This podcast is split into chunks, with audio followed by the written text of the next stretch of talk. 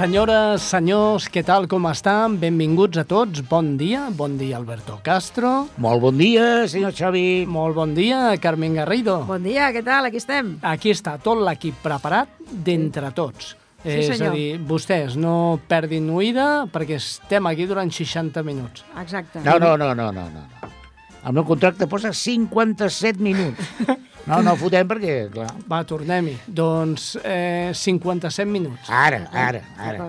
Els altres tres ja els explicaré per què els I a, me- utilitzarem. I a més a més avui tenim més companyia. Sí, no? Ah. Avui tenim el Poparelli.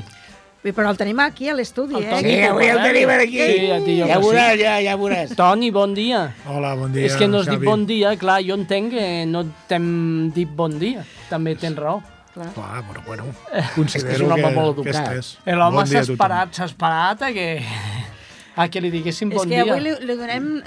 Ell sempre porta un, un afegit, una categoria al programa, però el fet de tenir-lo avui a l'estudi, encara més. Ens costarà calés, això, de És un- portar-lo. Ah, Si, si de cas ho parlem després, no? és Vale, un vale. mes a més, és un mes a més. Perfecte. Doncs, Antoni Poparelli, bon dia, benvingut.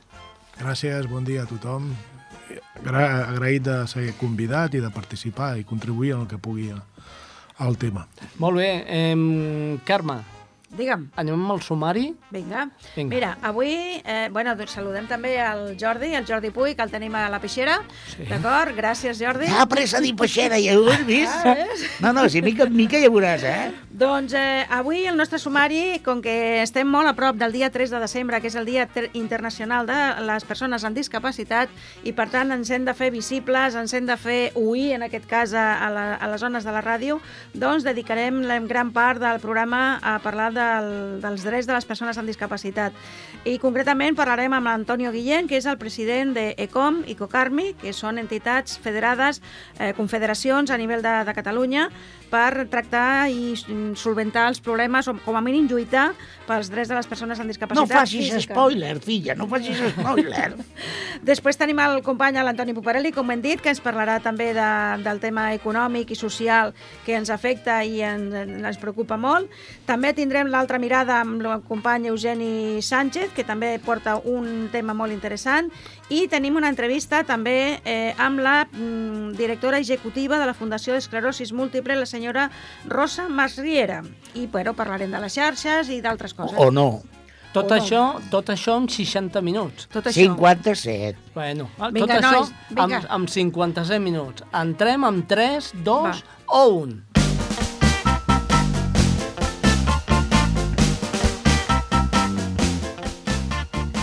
Molt bé, doncs seguint amb l'espai entre tots, avui, com que estem a prop del dia 3 de desembre, que és el Dia Internacional de les Persones amb Discapacitat, eh, i nosaltres ho som, per tant, eh, hem convidat al responsable i president d'ECOM, a nivell de, de Catalunya i Espanya, i el COCARMI, que és el paraigües, és la entitat gran que abarca totes les entitats que treballen amb la discapacitat física. L'Antonio Guillén. Bon dia, Antonio.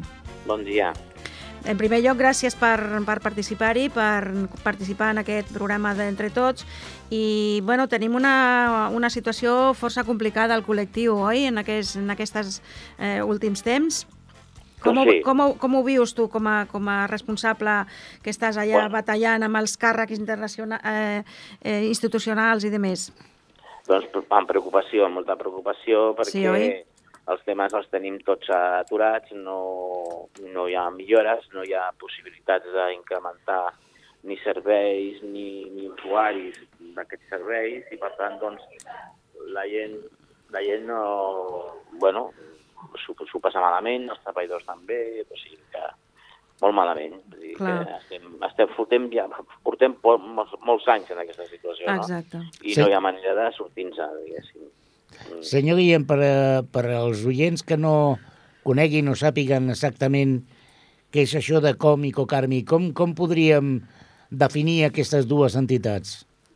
Mira, ECOM és una federació que farà 50 anys dintre del 2021, fa 50 anys, o sigui que portem 50 anys eh, intentant agrupar a les entitats de persones amb discapacitat física eh, i el COCARMI és eh, una estructura com els CERMIs autonòmicos, que és una estructura de representació del conjunt de la discapacitat, és a dir, de discapacitat física, psíquica, eh, visuals, sords, que és la representació global de la discapacitat.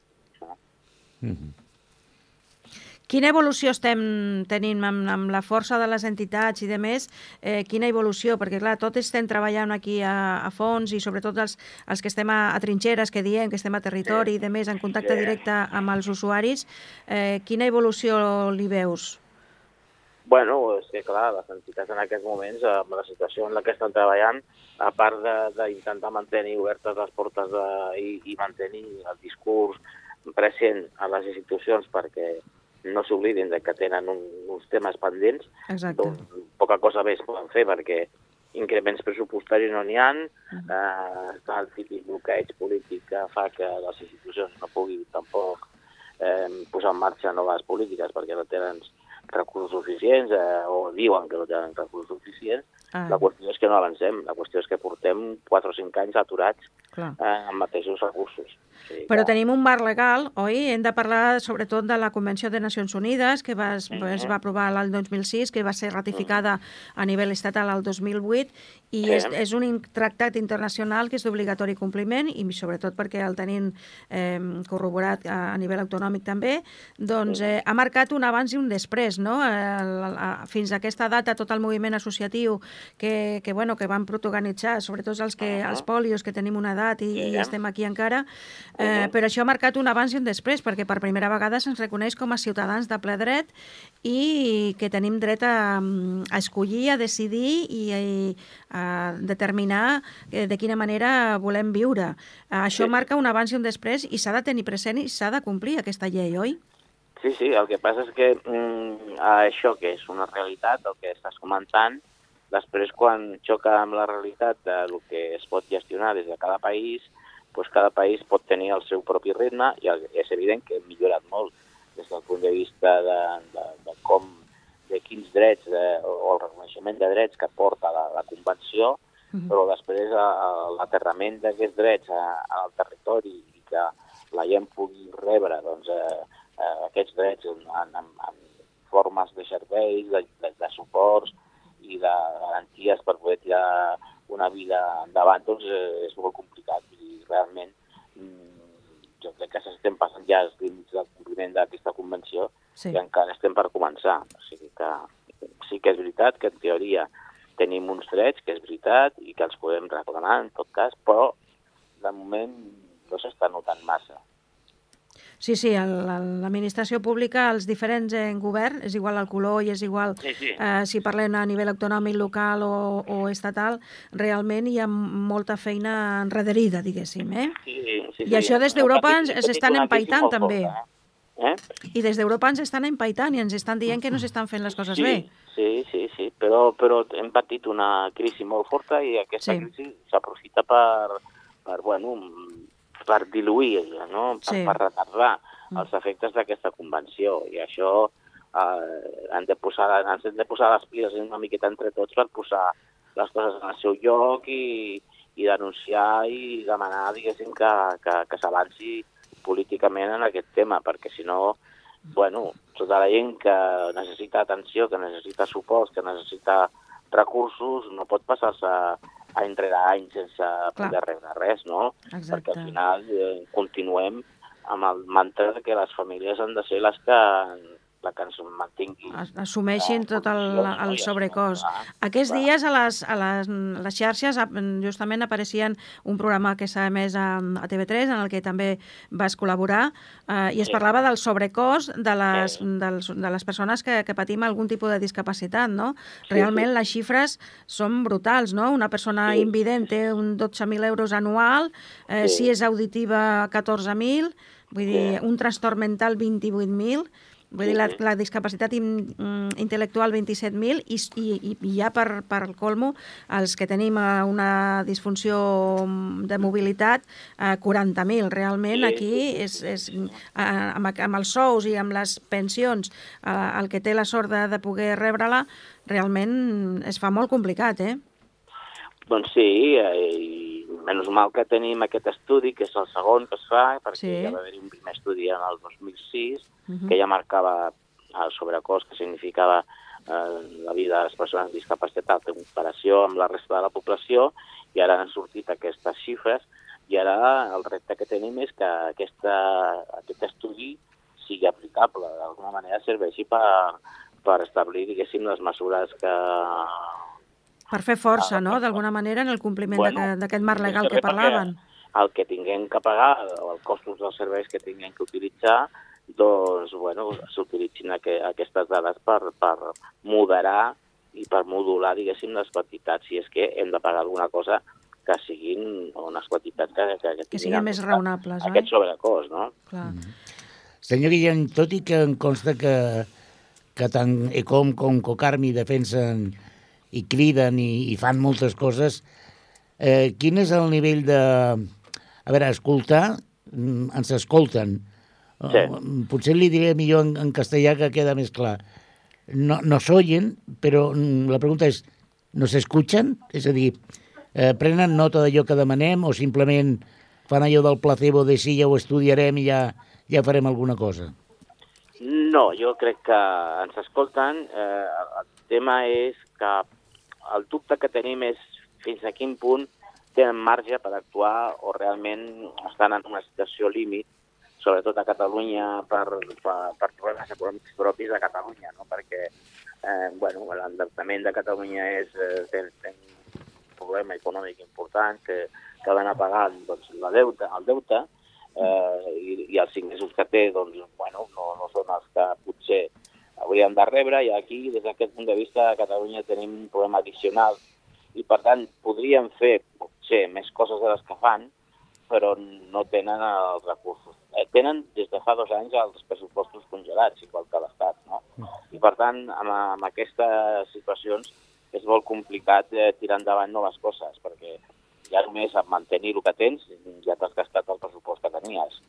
I aquesta és la realitat de, de, de, de la Generalitat, fonamentalment, i bueno, que és l'administració més gran que tenim a Catalunya, diguéssim, no?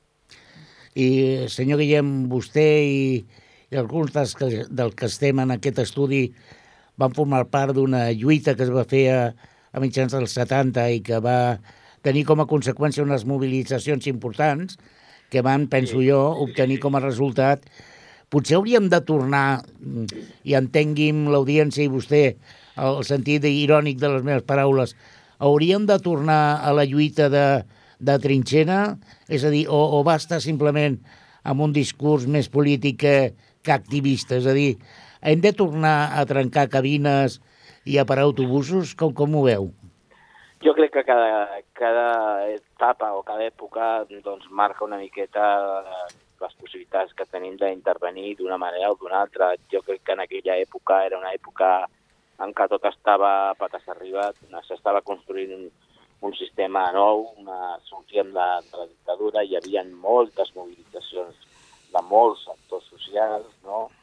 Eh, aquella gent era una gent molt jove en aquells moments, no? i teníem moltes ganes de, de qüestionar-ho tot. I el, la pròpia discapacitat va canviant també al llarg del temps. És dir, mm, van, es van minvant les persones que tenen una discapacitat producte de la polio i van naixent discapacitats que provenen de mal malalties o, o que provenen d'accidents, d'accidents cardiovasculars, paràlisi cerebral, i aquestes persones doncs, eh, tenen una capacitat d'intervenció més futura, més difícil. I, per tant, la força del col·lectiu hauria de tenir una condició prèvia, i és eh, intentar fer-ho d'una manera el més unitària possible entre tots els sectors de la discapacitat. No? no només la física, sinó la intel·lectual, el sord, el sex, tots. i tot, tots plegats, no? per, per intentar tenir una força de convocatòria que pugui tenir una mica d'èxit, no? I, I és complicat, realment és complicat. Antonio Guillén, eh, estem al mes de novembre i no ens hem d'oblidar del dia 25, el Dia Internacional contra la Violència, i sí. les dones amb discapacitat eh, patint de sobremanera eh, aquest efecte. Eh, sí. Fa uns, uns dies també ECOM ha sigut partícipe de la Fira Econòmica Solidària i sí. eh, posant en marxa el projecte Dona alça el vol. Eh, sí. Explica'ns una miqueta en què consisteix eh, per abordar eh, aquest projecte. bueno, és una, una voluntat que tenim d'intervenir en el tema de la discriminació de la dona Uh -huh. i jo crec que és una primera experiència que tenim en aquest terreny. Per tant, doncs, bueno, espero que, que, sigui, que sigui un èxit i que, i que pugui ser una experiència que puguem repetir els propers anys també, no? I és molt necessària, no? També aquí es parlava de, de sobrecost i les dones amb discapacitat. Eh, és un tema que Sí. sí. de discapacitat ho hem agafat molt recentment, diguéssim, que el Mhm. tema de la dona no era un tema que s'havia posat en la primera línia en el tema de la discapacitat i ara pues, eh, ho estem intentant fer amb moltes estructures de discapacitat que ja tenen el tema de la dona en primera, en primera línia, han creat estructures pròpies de la dona, Sí. el CERMI autonòmic, el CERMI, eh, les entitats, la federació com En- també tenim. Ens hem posat tots a treballar en, en, Sí, però, però manera. estem de moment, diguéssim, pues, eh, analitzant, diguéssim, la situació concreta de, de la discriminació pròpia de la dona dintre de la discapacitat. No? O sigui que Molt bé. Ja per, a, ja per acabar, unes estadístiques breus. Com està la discapacitat a Catalunya? Quants, com està el col·lectiu? Com està en quin sentit? Eh? Al, al nivell d'estadístic, quan, quants persones formem el tot el col·lectiu a nivell de Catalunya? Pues ara diria que no sé si arribem a 500.000 persones. 500.000 persones aproximadament, oi? Parlant de tota la discapacitat. Sí, sí, sí. sí. Molt bé, doncs moltes gràcies, Antoni Guillem. Eh, Molt bé. esperem fer força a totes les entitats, amb ECOM, amb Cocarmi, i, i fer posar en marxa eh, i donar força a aquests projectes que ja estan en marxa. També se- sabem que estem treballant molt i molt bé en tema d'autonomia personal, que també és molt necessari, i també en compliment de, d'aquesta de la Convenció de Nacions Unides. Per tant, seguirem treballant i seguirem parlant amb tu i et trucarem més vegades. Moltíssimes gràcies per la participar. Senyor Guillem, un, abans de, de, d'acomiadar de, vosal- de vostè, eh, oferir el programa entre tots, eh, que cada vegada vol ser més gran i més, i més oients, i és eh, que qualsevol activitat o qüestió que consideri que nosaltres podem donar ressò, estem a la seva disposició. I, i amenaçar-lo de que el tornarem a trucar per parlar de temes concrets, és a dir, que tingui el telèfon a la vora. No hi ha cap problema. Vale? Molt bé. Moltíssimes Molt bé. gràcies, bon dia. Moltes gràcies, un dia. Adéu, adéu. No, no, ja em veig una altra vegada amb les passamuntanyes ja a, a subir a los com les guerrilles. Però, però escolteu, a, a, a veure... A mi És que és molt greu, és que necessitem... No, no, no, no, és que ni greu, ni de- greu. L'averia de la A les cadira. barricades. Hòstima, clar, el transport públic que no funciona. El triunfo de el cómico Carmi. Alberto, Alberto, ja Perdó. està. Perdó, ja és està. que és l'enyorança. Porteu-li un whisky al... Sisplau, sí, sí. No, espera, una cosa millor. Parlem-ne d'economia. Clar, Toni, bon dia, Toni Puparelli. Ole. Hola, bon dia. Avui parlaràs d'economia. Bueno, el que pugui, sempre diem que és l'altra economia, en quant des d'un punt de vista relacionat amb el món de la discapacitat en general, i sempre és un punt d'enfocament que és diferent del que parlen els polítics, el, quan parlen de l'economia va bé, la borsa puja, baixa, les empreses guanyen, perden, sinó la- l'economia que ens interessa, l'economia social, que tenim, volem que no, una gran dependència de, de recursos eh, econòmics per poder finançar activitats tan senzilles que a vegades com sembla com poder treballar una persona amb discapacitat. Molt bé, i de què tema concretament ens parlaràs breument, perquè gairebé no tenim temps eh, avui. Bueno, bàsicament seran flaixos d'idees i conceptes, Perfecte. com per exemple que portem dos anys sense pressupostos. Ah. Lògicament, qualsevol Entrem en activitat... política ja? Entrem en política? Sí, sí, clar. És que si no, el món de la discapacitat, volguem que no, depèn molt dels recursos públics que es destinin. No només per finançar, per pagar subvencions a les persones, sinó finançar activitats que són necessàries i imprescindibles. Des de la Serveis. feina, serveis. Serveis. Per exemple, es va pujar el salari mínim a 900 euros, el salari mínim interprofessional, i lògicament les persones que treballen amb discapacitat, que estan treballant a centres específics de treball, necessiten també aquests diners. Resulta que les empreses que fan aquest servei, que els hi paguen aquests diners, no reben la part que els hi proporciona. Penso que aquest és un exemple molt clar de que, com impacta el que no tinguem pressupostos, sigui a nivell d'aquí de Catalunya, sigui a nivell estatal, confiem que ara amb el nou govern es faci aviat a Espanya, es desbloqueixin moltes coses des d'aquest punt de vista, hi hagi més col·laboració entre institucions i que en aquests temes de, de discapacitat, que al final són necessitats socials, però també d'integració, una persona amb discapacitat aporta economia, genera riquesa. Sí, senyor. Hi ha coses que a vegades ho crida l'atenció. Jo formo part d'una taula eh, la taula del Pacte Nacional per les persones amb discapacitat, que està intentant traslladar la, la, les disposicions de les Nacions Unides sobre el, sobre el tema de discapacitat a la legislació catalana, estatal i de més. I temes... Han de complir la llei, oi? Han de complir la llei, però temes com surten, per exemple, que es parla que una dona que té una discapacitat intel·lectual normalment està a casa, mai surt a treballar. En canvi, els homes sí. I per què no? Perquè aquesta persona no pot aportar economia també. Fixeu-vos que parlo d'economia d'una persona i aquí estic entrant en discriminació de dones, o sigui, temes de drets fonamentals de les persones, com és el dret al treball, a la independència i demés, i que, però que acaben impactant també en l'aportació econòmica que fan a la, a la, a la societat, que és molt important, considero, tenir en compte aquests, aquests impactes. Llavors, quan es parla de pressupostos, quan es parla, també hi ha una vessant que no és només a dir, no, és despesa que dediquem per pagar les persones. No, també són diners que, que generen economia. No oblidem tot això. Has sentit, carinyo? Eh? eh T'has de ficar a treballar, eh? Que ho tinguis clar. Fa falta portar diners a casa per poder tirar endavant la nostra economia. Sí, sí, tot això està molt bé, però que parli ell. Perquè ens quedem sense calés, Ja. però també sense temps. Ja. Un altre concepte, senyor Toni. Ja callo. Eh, eh, han sortit de les notícies, aquí també es parlarà una mica després, de les, de les de lo que costa una persona amb discapacitat, el que li costa Sí. a aquesta persona, depenent del grau i depèn. La mitjana El- estem el sobre- parlant... el sobrecost que el tenim, sobrecost oi? que tenim, d'uns 17.000 euros a l'any que té la, i que representa a una persona per dis, amb discapacitat, el que li costa amb ell, a nivell personal, no? a la persona. Eh, jo he fet quatre números així sobre, una persona que tingui la pensió màxima, imaginem que té un 72% de discapacitat, eh, acabar pagant més o menys de, eh, de IRPF uns 6.000 euros. El fet de tenir la discapacitat representa que paga 2.000 euros menys, o sigui, 4.000, no? Si d'aquests 17.000 li traiem aquests 12.000, continuen quedant 15.000 euros de despesa que té que tenir aquesta persona. Eh?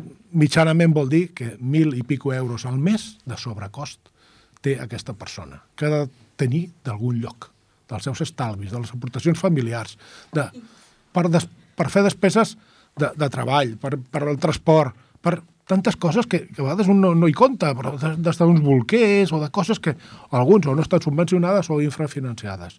I també eh, aquesta part de l'economia és molt important, perquè al final és despesa que no es pot dedicar a altres coses.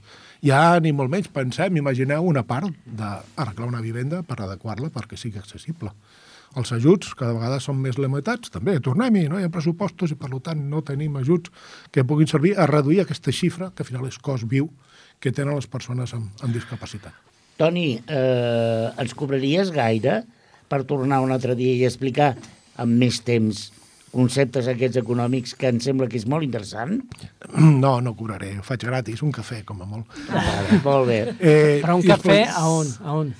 Aquí, aquí, a prop de l'estudi. Aquí, vale, no, ja. O és de la màquina de l'estudi, home, ja És que abans hem parlat de a on faríem el cafè. Ja Sí, hem parlat de això- tantes coses. No, No, són és- apostes. Nois, nois, és que és molt interessant això que està explicant l'Antonio perquè eh, com que estem parlant aquest dia de la, del Dia Internacional, Internacional de la Discapacitat i de les Nacions Unides, que eh, s'aproven els nostres drets, es van aprovar i no es compleixen, doncs el, aleshores un tema com és l'assistència personal, que s'està fomentant molt des de com, que també hem parlat ara amb, l'Antonio, eh, s'està treballant molt en aquest sentit, això representa que les persones amb discapacitat amb un assistent personal pot, ser, pot tenir una activitat 100% a la, a la societat, en el món laboral, educatiu, eh, social, etc. Això també és un cost, però també repercuteix de manera mm, molt positiva un 20% a les, als diners públics, oi, Antonio? Sí, hi ha un valor important que les persones amb discapacitat moltes vegades el que sí tenen és temps. Exacte. Si tenen oportunitat d'accedir-hi a activitats fora de casa o inclús remotes i de més, o sigui, estan ben assistits, ben, no poden destinar temps a generar valor, moltes vegades representant col·lectiu, aportant valors amb, amb tasques com poden ser d'assistència telefònica, com poden ser algunes tarees, tasques que generin, primer, una satisfacció de poder fer una activitat personal en el món. I, lògicament, això genera d'alguna manera economia o genera algo, valor a la societat.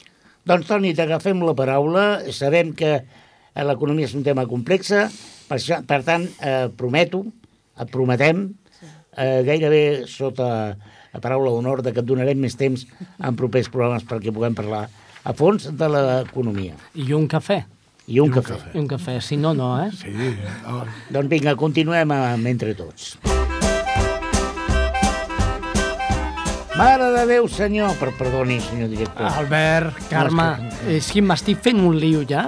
Jo ja no sé el que he gravat, el que no he gravat, el que he dit, el que no he dit.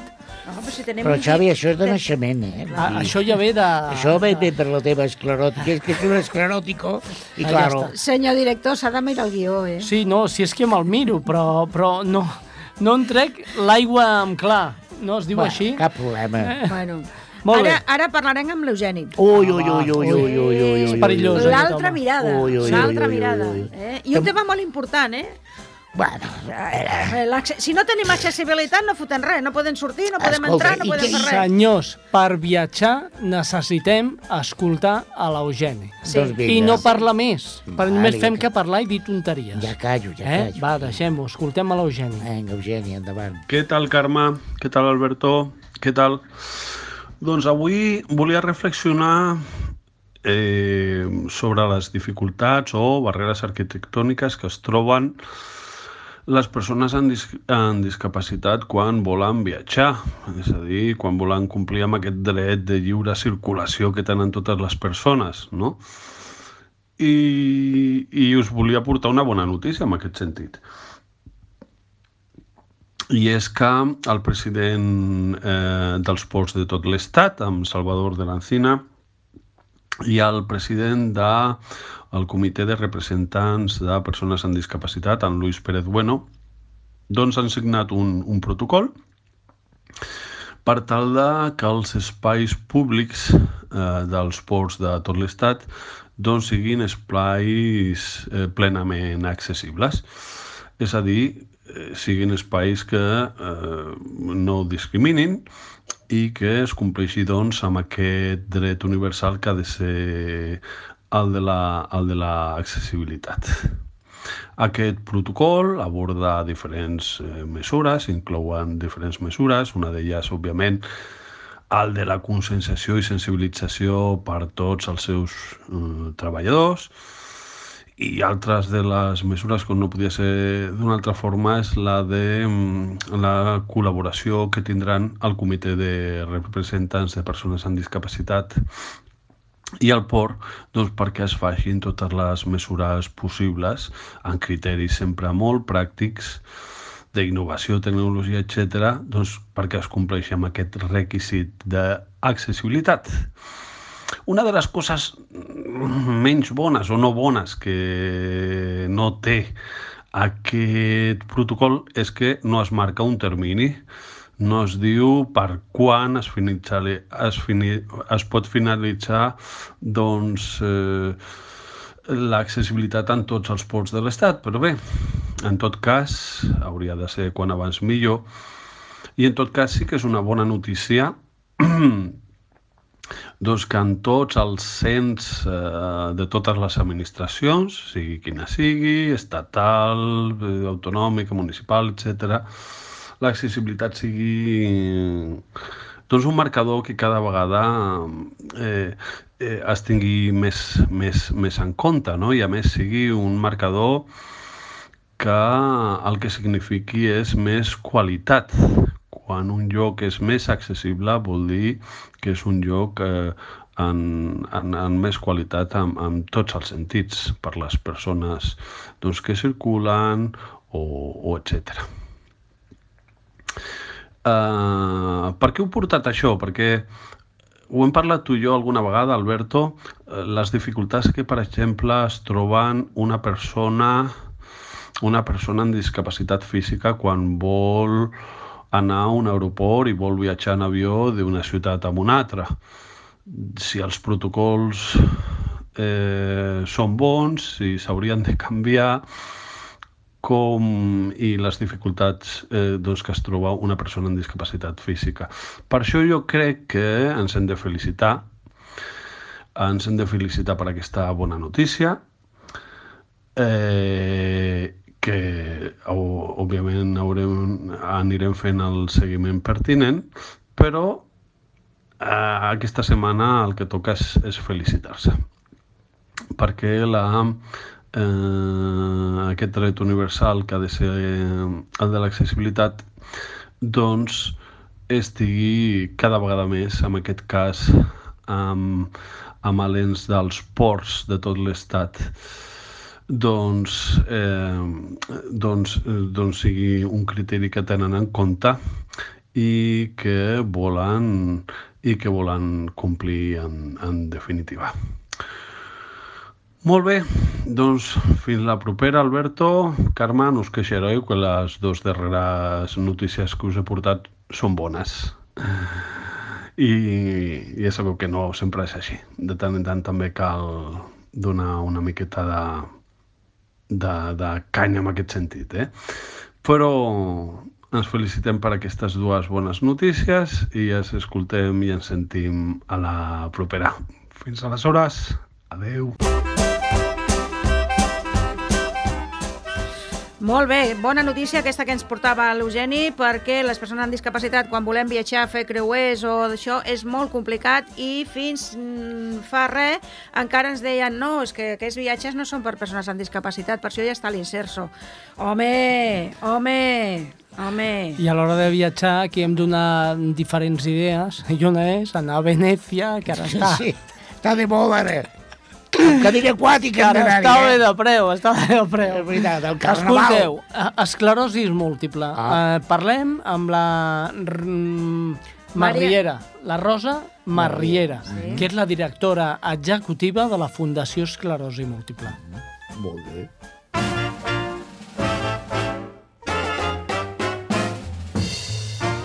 Rosa Marriera, bon dia. Hola, bon dia. Molt bé, eh, vostè és la presidenta executiva de la Fundació, de la Fundació Esclerosi Múltiple. Eh, senyora Marriera, eh, defineix-me defineix una mica la teva feina. Doncs mira, eh, nosaltres partim de la base que el que pretén la Fundació i el que estem assolint i n'estem molt satisfets és eh, la idea de frenar l'impacte que produeix l'esclerosi múltiple. Mhm. I això, doncs, al final, mm, són moltes vessants diferents, no? O sigui, fins ara doncs és molt important, per una part, tot el que seria la part de diagnòstic i tractament, que això es tracta amb el clínic, però l'esclerosi múltiple és una malaltia que cursen persones molt joves que viuran molts anys amb ella i, per tant, bueno, doncs ja la comencem a considerar una malaltia crònica i, per tant, doncs hi ha moltes coses que es desmunten en el moment en què rep aquest diagnòstic i nosaltres estem allà per donar-hi suport. Senyora Marriera, eh, digui'ns què és l'esclerosi múltiple. És que he començat molt ràpid i, i encara no sabem què és, perquè hi ha molta gent que hi ha dintre de l'estudi que no sap el que és esclerosi múltiple. Oi que no, Albert? No. No. Una vaga, una vaga noció. Una, una vaga noció, oi? Tu tampoc, no, Carme? Bon, bon dia, sí. Bueno, tenim companys que pateixen aquesta malaltia, veiem les dificultats que tenen en el dia a dia, però mm, tota informació és, eh, és bona a poder aportar-la i, per tant, benvinguda i moltes gràcies per la seva participació. I és vital pel programa. Mm, què és l'esclerosi múltiple? Doncs mira, l'esclerosi múltiple és una malaltia que afecta el sistema nerviós central. És una malaltia considerada autoimmune perquè la capa de mielina que recobreix el nostre sistema nerviós central es veu afectada, no sabem per què, encara no en sabem les causes, i eh, els impulsos nerviosos que són transmès, mm, transmesos eh, pel nostre sistema nerviós es veuen afectats i llavors és quan es comencen a patir els primers símptomes de la malaltia, no? que poden ser doncs, sintomatologia eh, de problemes de marxa, de caminar, eh, temes cognitius, eh, problemes a la vista, formigueig, eh, problemes d'incontinència, per tant, bueno, una variabilitat molt gran. Per això en diem també que és la malaltia de les mil cares, perquè aquesta afectació de la nostra capa de mielina és molt diferent en cada una de les persones. Per tant, ens podem trobar persones que tinguin esclerosi múltiple i que no tinguin cap d'aquests símptomes que jo he comentat, que són els més visibles, diguéssim, però, per exemple, pateixin una fatiga molt important. No? Llavors, aquestes persones també tenen esclerosi múltiple, però la seva sintomatologia és diferent d'altres que també podem trobar doncs, en les quals la malaltia ha avançat d'una forma important i ja doncs, bueno, poden inclús necessitar ajuts tècnics per la seva vida diària. Com a modus indicatiu, eh, parlem de que aquesta malaltia apareix molt jove, a la gent molt jove, no? Sí, aquesta és una de les característiques de l'esclerosi múltiple i apareix eh, normalment entre el rang dels 25 als 35 anys. Això no vol dir que sempre apareixi en aquest rang, o sigui, hi ha gent més gran de 35 anys que li apareix la malaltia quan són més grans. Molts d'ells, per això, eh, diuen que símptomes que havien tingut eh, quan eren més joves, doncs també els atribueixen a la malaltia, perquè en el moment en què la identifiquen veuen doncs, que en la ressonància magnètica tenen ja doncs, moltes lesions, no? I això vol dir doncs, que ja hi ha hagut un procés que se n'ha fet an anteriorment, no? I també, doncs, cada vegada més la veiem també en nens. Amb els nens el problema que tenim és que molts d'ells no són diagnosticats perquè encara hi ha una certa desconeixença d'identificar aquest tipus de sintomatologia neurològica de l'esclerosi múltiple amb nens. I per tant, doncs, bueno, com que són eh, símptomes que apareixen i després desapareixen, doncs un cop han desaparegut ho deixen allà una miqueta aparcat al calaix i no torna a sortir fins a més endavant. La qual cosa és greu perquè quan abans ho detectem i quan abans ho tractem, més fàcil serà de controlar i d'evitar la discapacitat. Parlant de tractament, eh, tenim tractament per l'esclerosi múltiple i si n'hi ha, quin tipus de tractament? Doncs mira, eh, caldria destacar una cosa abans d'això, que és que hi han dos tipus d'esclerosi múltiple més significatius. No? Serien, un és l'esclerosi múltiple remitent recurrent, que és la que cursa en brots i afecta més o menys el 85% de les persones. Això vol dir que quan hi ha un brot hi ha molta sintomatologia, però a través d'un tractament en aquest període agut, aquesta sintomatologia es pot més o menys controlar, però deixa més o menys seqüeles en funció de com hagi estat aquest brot i si n'hi han molts i molt seguits. No? Aquesta remitent recurrent actualment la tenim força controlada. Eh, parlem de que fa 20 anys no hi havia pràcticament ningú tractament i actualment en tenim més de 12 a la nostra disposició.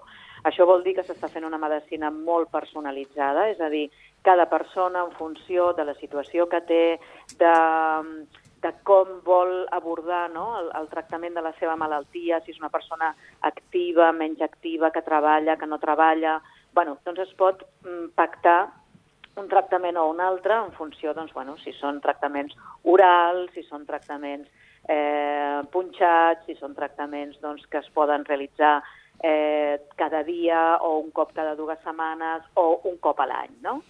Llavors, eh, després tindríem una altra part d'esclerosi múltiple, que seria l'esclerosi múltiple primària progressiva.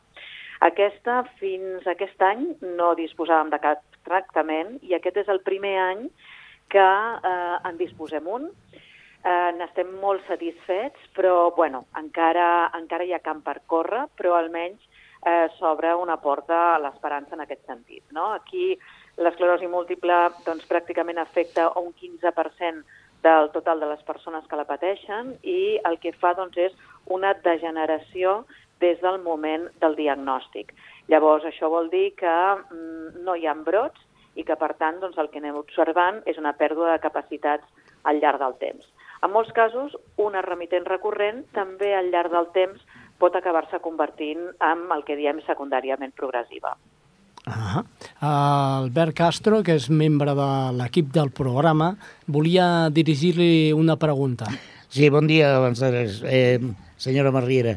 Eh, en aquests moments eh, hi ha equips d'investigació que treballin aquesta malaltia o passa com d'altres que, que potser no es dedica tot el potencial a nivell d'investigació i de proves. O dit d'una altra manera, en quina situació estaria en aquests moments a nivell mundial i a nivell català i espanyol el tema de la investigació d'aquesta malaltia? Doncs mira, tal com et comentava abans, eh, fa 20 anys i la Fundació en té 30, doncs eh, no hi havia un interès molt específic. El que sí que és veritat és que bueno, mm, es va produir un gir, eh, també doncs, bueno, s'ha fet eh, molta pressió i, i el que s'ha aconseguit doncs, és un interès molt important, tant per part dels laboratoris, que al final són els que empenyen doncs, a, el fet de posar recursos a un tipus determinat de malaltia, i després també dintre de les àrees bàsiques de recerca doncs també hi ha molt interès en treballar sobre l'esclerosi múltiple. En concret, aquí a Catalunya doncs, disposem d'un dels centres pioners en recerca amb l'esclerosi múltiple, que és el CENCAT, que és el Centre d'Esclerosi Múltiple de Catalunya, mm. en el qual nosaltres hi participem amb una aliança estratègica i que està situat a la Vall d'Hebron. Aquest centre actualment és un referent a nivell mundial amb tot el que seria la recerca i inclús eh, no només amb el que seria la part de, de remitent recurrent, sinó també en primària progressiva, on s'estan començant a fer moltes coses, també empesos moltíssim pel moviment associatiu que hi ha a nivell internacional. Rosa Marriera, eh, la Fundació, eh, quina és la tasca de la Fundació en aquests moments? És a dir, ja es va lluitar eh, per crear el CEMCAT, que és el que vostè ens diu, el Centre d'Esclerosi Múltiple de Catalunya, però ara què? Eh, quina és la funció de la Fundació? Bueno, la funció de la Fundació és molt àmplia. O sigui, nosaltres eh, el que fem en cada moment doncs, és eh, detectar quines són les mancances de, del sistema i mm. treballar eh, enfocant-nos en aquesta situació. No? Llavors, el que sí som conscients, com et deia a l'inici, no? és que la persona amb esclerosi múltiple, que és una persona jove, en el moment en què té l'impacte de la malaltia, doncs passen moltes coses que no són contemplades pel sistema de salut. No?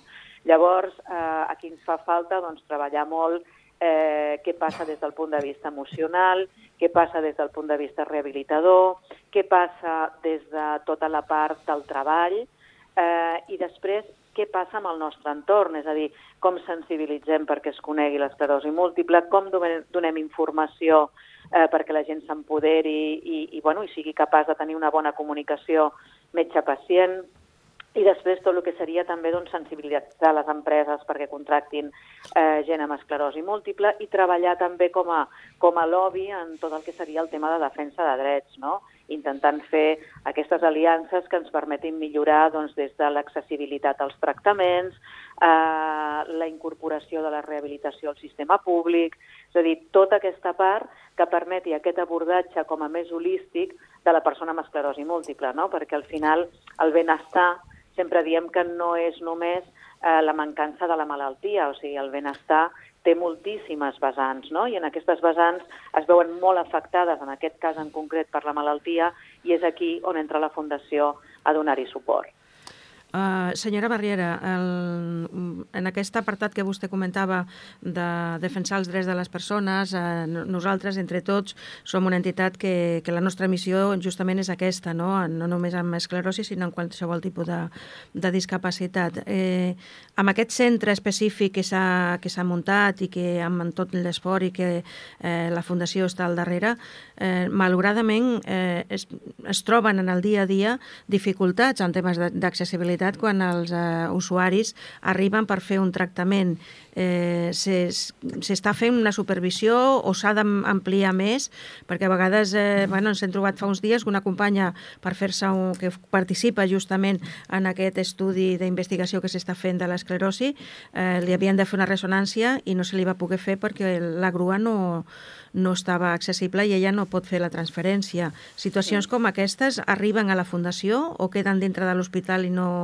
Doncs mira, no en concret, en uh -huh. concret uh -huh. aquesta situació no ens ha arribat. O sigui, yeah. aquí estaria una miqueta el que et comentava abans, no? Sí. La, la feina que hem de fer ara i que jo crec que és una miqueta el canvi de paradigma de com hem d'abordar les malalties cròniques, no? I per mi és l'empoderament de la persona. O sigui, la persona ha de saber quins són els seus drets, Sí, sí. I, i a partir d'aquí doncs, posar sobre la taula quina és la situació del que es va trobant també, no? O sigui, a vegades sí que ens trobem de que moltes persones doncs, um, bueno, doncs en, nosaltres treballem molt el tema, per exemple, de les decisions compartides, no? Sí, de que, molt important, en, molt important, sí, sí. Exacte. Llavors, eh, bueno, però encara molta gent et segueix dient, bueno, és que jo tinc cert respecte, no?, a la bata blanca, o sigui, quan Ja. eh, jo puc pensar que, bueno, li aniré a parlar d'aquest tema o proposaré aquest altre tractament o ho posaré sobre la taula, i llavors arribo en consulta i em quedo bloquejat. O sigui, ja el que em diu el metge, doncs, bueno, si em diu això, doncs, escolta, tu ja em sembla bé, i m'oblido de tot l'argumentari que tenia preparat abans, no? Llavors, eh, jo, que, jo crec que aquí hi ha una tasca molt important de, de que el, el pacient no, deixi de ser reactiu, es, es converteixi en més proactiu i deixi una miqueta aquesta part del paternalisme no, que teníem fins ara Exacte. amb el, amb el metge per passar a aquesta part més activa. Llavors, dintre del tema de la defensa de drets, això és importantíssim que ens arribi aquí. Per, per això hem volgut posar l'accent, perquè en aquest cas la companya, efectivament, aquell mateix dia va posar una denúncia, posteriorment la, la entitat com a entitat i en, i en nom d'ella també el van fer arribar un altre al, a l'hospital, però bé, és un tema que, que s'ha de parlar, s'ha de dir i donar aquesta força. És molt important aquest, eh, aquest comentari que vostè fa i que tots hem de ser re- corresponsables d'alguna manera, oi?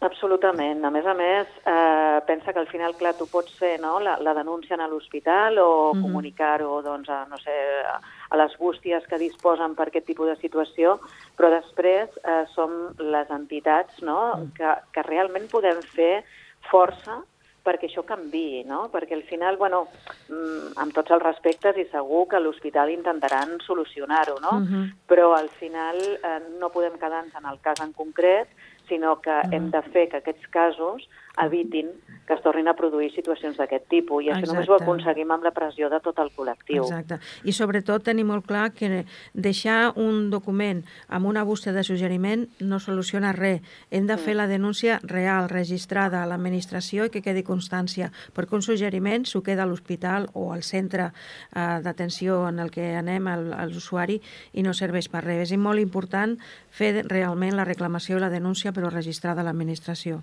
Moltes Totalment. gràcies, moltes gràcies, senyora Riera. Gràcies. Senyora Rosa Marriera, moltíssimes gràcies per atendre el programa entre tots. Li agraïm moltíssim que hagi estat pendent a la nostra trucada i li agraïm moltíssim i que segueixi empenyent per treballar per les persones que tenen esclerosi múltiple. Gràcies i bon dia. Moltíssimes gràcies a vosaltres també per tenir-nos present i per parlar de l'esclerosi múltiple i perquè entre tots puguem seguir avançant. Moltes gràcies també. Adéu-siau. Adéu, bon dia. Adéu, bon dia. Si em permeteu, interessantíssima Molt. aquesta entrevista. Sí. Molt, Sí, molt, No sé, ara tocaria repassar quines són... Eh, Què diuen les xarxes? Efectivament. Doncs algunes coses ja les hem comentat amb l'Antonio Guillén. Eh, que soy esclerótico, no te lo he Ah, dicho, ¿no? claro, no passa res, no passa pierdo, res. pierdo, pierdo, se me va. Pier- pierde oli, pierde oli. Hem parlat amb els dos Antonios, el Puparelli amb el tema econòmic i el Sí. Guillén amb el tema de drets, eh, el tema del sobrecost que tenim les persones amb discapacitat. Per tant, no, no hi tornarem a repetir, però és un tema que és molt important i si volem, voleu més informació, el programa Planta Baixa de, de TV3 ho poden buscar a les xarxes i, i és molt interessant la informació que donen. Perdona, També... Carme, perdona, Carme. Aviam, aviam. TV3 ens paga la promoció?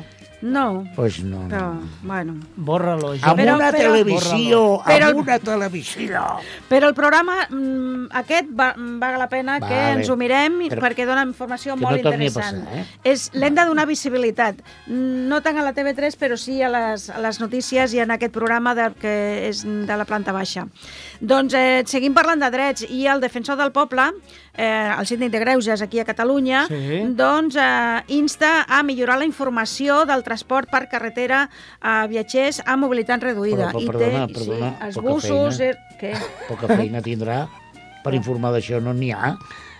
És que no, És que- no se'ns informa, no se'ns Quina feina, informa. però què ha d'informar si no hi ha res? No, però és que... Si no hi ha res, clar, autobusos no pots.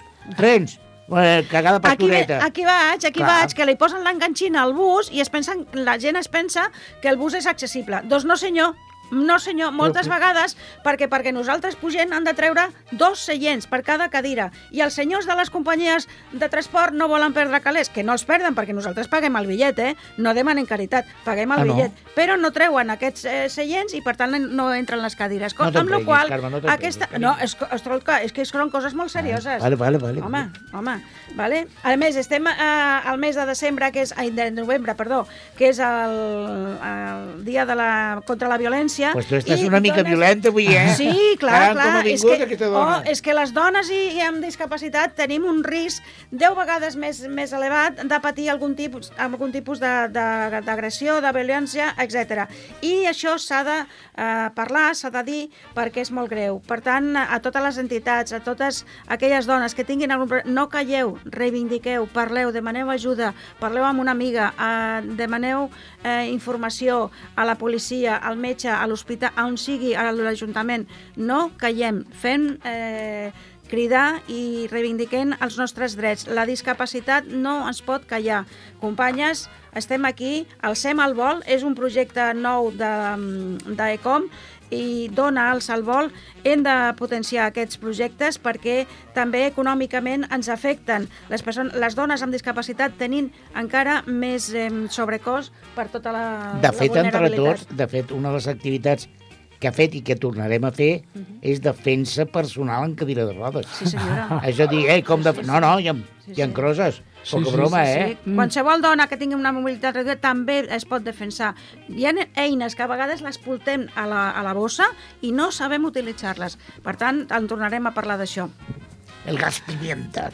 No sé, no sé, una pistola, no? Per No, No, no, no, no, no, no, no, no, una, no. una piruleta, Una el, pi- el palet de la piruleta amb un ull, això fa molt de mal, eh? Per exemple, per exemple, un bolígraf. L'única per cosa que no exemple. podem- Pilar, Una- que tú no dices nada. No, Ay, no, no. mira, está aquí Nos la becaria. interesa que, que nos digas algo. Piluchi! Ai, que tenim becària entre digues hola, Pilar, ¿qué digues hola. podemos hacer? Digas ¿Qué se puede hacer? Podemos hacer despedirnos. Ah, sí. Oh. Viene ahora, ¿no? Sí. També és veritat, també és veritat. Vienes para decirnos que nos despidamos. Mira, una, una dona en seny, una dona en Ah, seny. que sí. La próxima Hem pujat de categoria, la la Pilar... próxima ve- la, la próxima vegada més. Mena, Sí, senyor. tu, que s'acaba el crèdit. Que tinc el cotxe aparcat i el tiquet ja, Pilar, ja s'acaba. els fogons com els tens tu? Encesos. Encesos, Ui, no? ui. Aquí ho deixo, aquí No, ho deixo. molt bé, Xavi. proper programa ja parlarem. Molt bé, Xavi, molt bé. Li agafarem la paraula, però per acabar recordeu les nostres xarxes socials, que entre tot ens Ai, trobareu ai. a Instagram, a l'It, al Twitter, al Facebook i la nostra A pàgina la web. càrcel també ens veurem. Mm, Depèn, esperem que no. A la pàgina web, que és eh, entretots.org. Allà trobareu eh, notícies i campanyes solidàries. Mireu, mireu i a Em, veure si em col·laboreu. permeteu dir una coseta? Salutacions a totes les emissores que, en mica en mica, cada vegada són més que fan aquest programa. Per tant, salutacions. Gent de bé i la gent que... I la I gent la- que vindrà. i la gent que vindrà. I la gent que vindrà. Bueno, ens hem d'anar, no? Sí. Vinga, senyors. Eh, quina, quina música posem ara? Ah, que, pues no sé. Ah, mira, guita, guita. Em permeteu, em permeteu, la companya, l'artista preferida, eh, Dones i Discapacitat, mes de novembre, Dones contra la Violència, Ah, ja està. la Rosalén, la Puerta Violeta. Ai, Bueno, bueno, bueno. Ja. Bueno, Força, dones, bon dia. Fins a dintre de 15 dies. Adéu. Tengo una respirar. Una venda me tapa los ojos, puedo leer el miedo y se acerca. Tengo un nudo en las cuerdas que ensucian mi voz al cantar. Tengo una culpa que me aprieta, se posa en mis hombros y me cuesta andar. Pero dibujé puerta violeta